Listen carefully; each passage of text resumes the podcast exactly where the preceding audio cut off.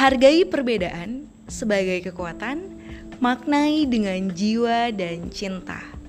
Saya Aco Bernade, selamat datang di Paradigma. Banyak yang ngerasa yakin kalau kita tuh sebenarnya udah jadi pacar yang terbaik loh buat pasangan kita.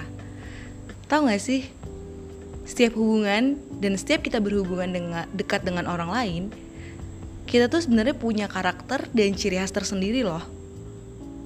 Pernah ada pepatah dari Jepang yang pernah saya baca sebelumnya, bahwa kita tuh setiap individu punya tiga wajah yang bisa kita tunjukin sama orang sekitar kita atau di lingkungan sosial kita. Wajah yang pertama itu wajah yang kita tampilkan dalam keseharian kita. Misalnya kita tuh dikenal sebagai orang yang ramah, kita sebagai orang yang ceria atau orang yang santun dan lain sebagainya. Terus wajah yang kedua kepada teman-teman dekat dan sahabat kita atau saudara-saudara kita. Di sini wajah ini benar-benar wajah asli kita. Jadi tidak ada yang mendasari ada bagaimana sih kita bersikap sama orang orang tersebut dan di sini hanya orang-orang terdekat saja yang bisa dia tampilkan wajah ini misalnya keseharian dia tuh sebenarnya dia tuh emang lucu atau dia tuh pemalas atau dia tuh uh, periang atau pemarah dan lain sebagainya dan yang ketiga wajah yang ditampilkan hanya untuk diri dia sendiri wajah ini nih bisa muncul ketika kita tuh lagi benar-benar merenung salah satu contohnya sih saat kita lagi sendirian di depan kaca ngobrolin soal pasangan dan hubungan setiap individu, pasti kita menemukan problema kan? Itu udah hal yang lumrah banget gak sih? Contohnya pacar kita posesif, mengekang, ribet, atau sikapnya yang ngebuat kita super gak nyaman. Karena kita dibatasi dan pada akhirnya kita gak berkembang. Sayang banget kan di umur yang masih muda ini seharusnya masih bisa beraktivitas, berkreativitas yang lebih banyak lagi. Tapi kita dibatasi. Dan sampai-sampai kita nggak bisa jalanin hobi dan pekerjaan kita yang kita geluti saat ini. Intinya kayak nggak menjalani hidup seperti diri kita sendiri gitu. Menurut saya pribadi, ada karakter atau sikap yang kurang bisa diterima dan ngebuat pasangan kita nggak nyaman sama kita. Di sini saya mau coba sharing gimana cara kita mengenal pasangan kita. Solusinya gimana sih kalau misalnya ada sikap kita yang nggak sejalan sama pasangan kita. Dan sebenarnya tuh kita tipe pacaran seperti apa sih? Sebelumnya mungkin saya minta maaf kalau misalnya saya terkesan menggurui atau terlalu mungkin terlihat terlalu punya pengalaman yang lebih banyak. Enggak, sebenarnya saya di sini juga masih belajar sama kayak teman-teman semua. Dan saya mencoba menyampaikan apa pendapat saya. Pertama, individualis. Tipe pacar yang kayak gini biasanya memang membutuhkan ruang dan punya independen yang kuat. Serta dia nggak suka dipaksa. Di waktu yang sama juga, kita bakal tahu batasan bagaimana dia menerima baik buruknya pasangan. Makanya, tipe pacaran yang seperti ini, dia bisa lebih menghargai pasangannya dan diharap juga sang pacar bisa lebih menghargai privasinya. Kalau ngebahas privasi, saya pribadi sangat menghargai sih adanya privasi dalam sebuah hubungan atau komitmen sama pasangan kita. Dalam hal yang paling kecil deh, kayak kita tuh sebenarnya nggak perlu loh untuk tahu password media sosial dia atau media sosial pasangan kita seperti Facebook, Instagram, Twitter, bahkan email sekalipun. Privasi itu awal yang paling penting bagi saya dalam sebuah hubungan.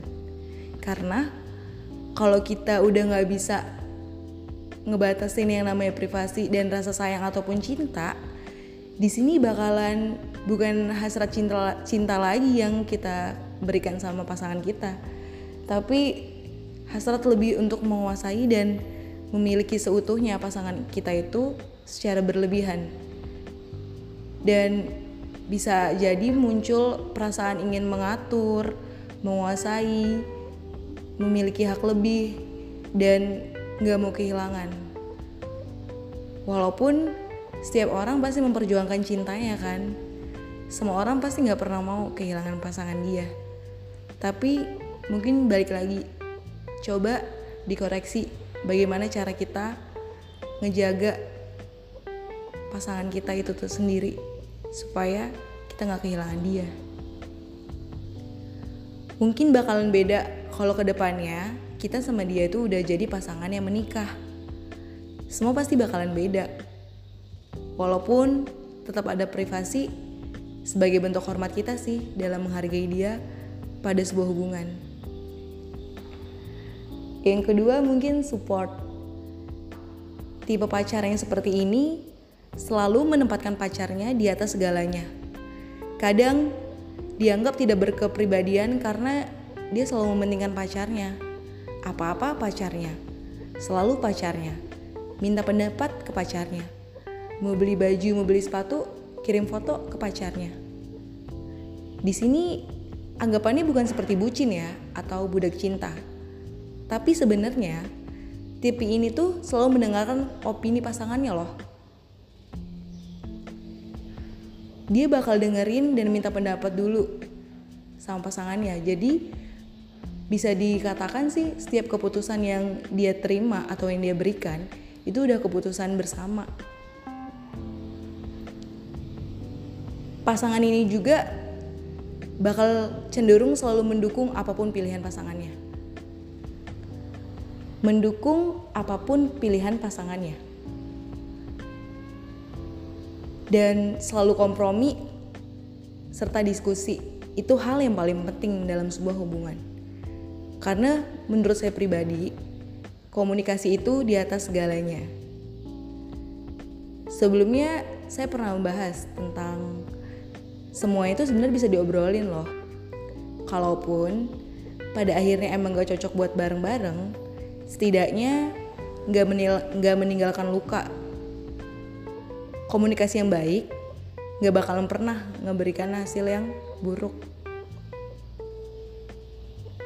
Buat pribadi yang suka mendukung dan mensupport, menurut saya, dia pribadi yang damai sama semua orang.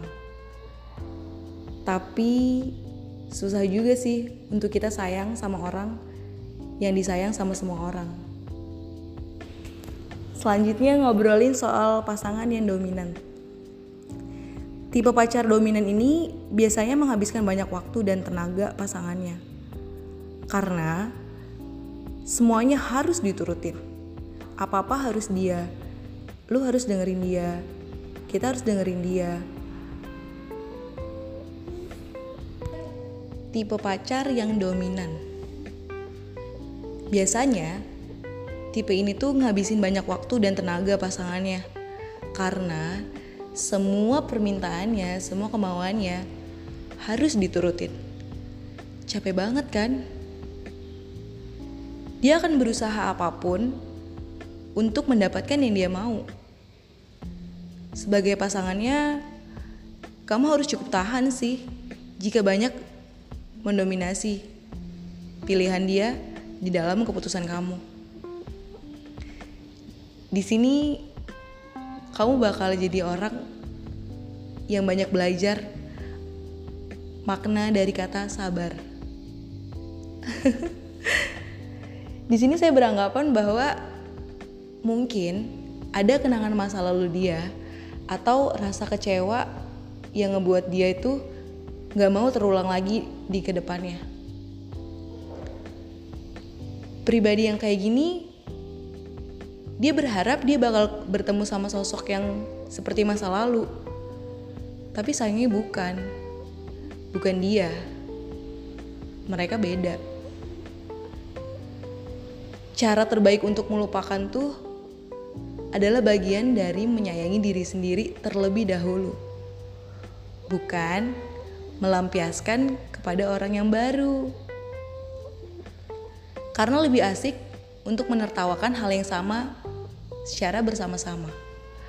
Bukan malah tidak bisa tertawa bersama.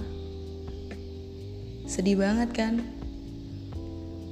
Dia ketawa, kita sedih-sedihan.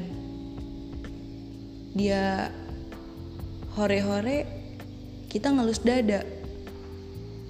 Itu pacaran apa temenan? Teruntuk yang saat ini masih sendiri, mungkin kalian harus berani buka hati lagi. Jadiin semua pengalaman yang dulu-dulu itu sebagai pembelajar, pembelajaran buat kita jadi kekasih yang lebih baik dari sebelumnya.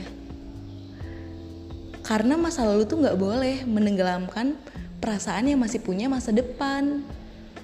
Caila.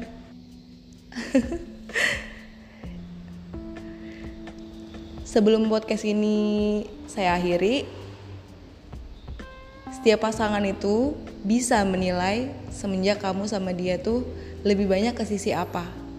Contohnya, lebih banyak ke sisi negatif atau ke, ke positif. Kalau ke sisi negatif itu lebih banyak sedihnya, capeknya, kecewanya, terkekangnya, berantemnya, seenggak sependapat, dan problema serta rintangan lainnya. Kalau ke sisi positif, kamu tuh sama dia lebih banyak bahagianya, supportnya, dukungannya, enjoy, asik, seru, dan lain sebagainya. Sisi negatif atau sisi positif seperti di mana kalau kamu gak sama dia, kamu bisa jadi gak jadi diri kamu sendiri. Bahkan kamu gak jadi diri kamu yang bisa kamu cintai. Terima kasih sudah mendengarkan. Sampai jumpa di episode paradigma selanjutnya. Semoga hari-harimu selalu dilewati dengan setiap cinta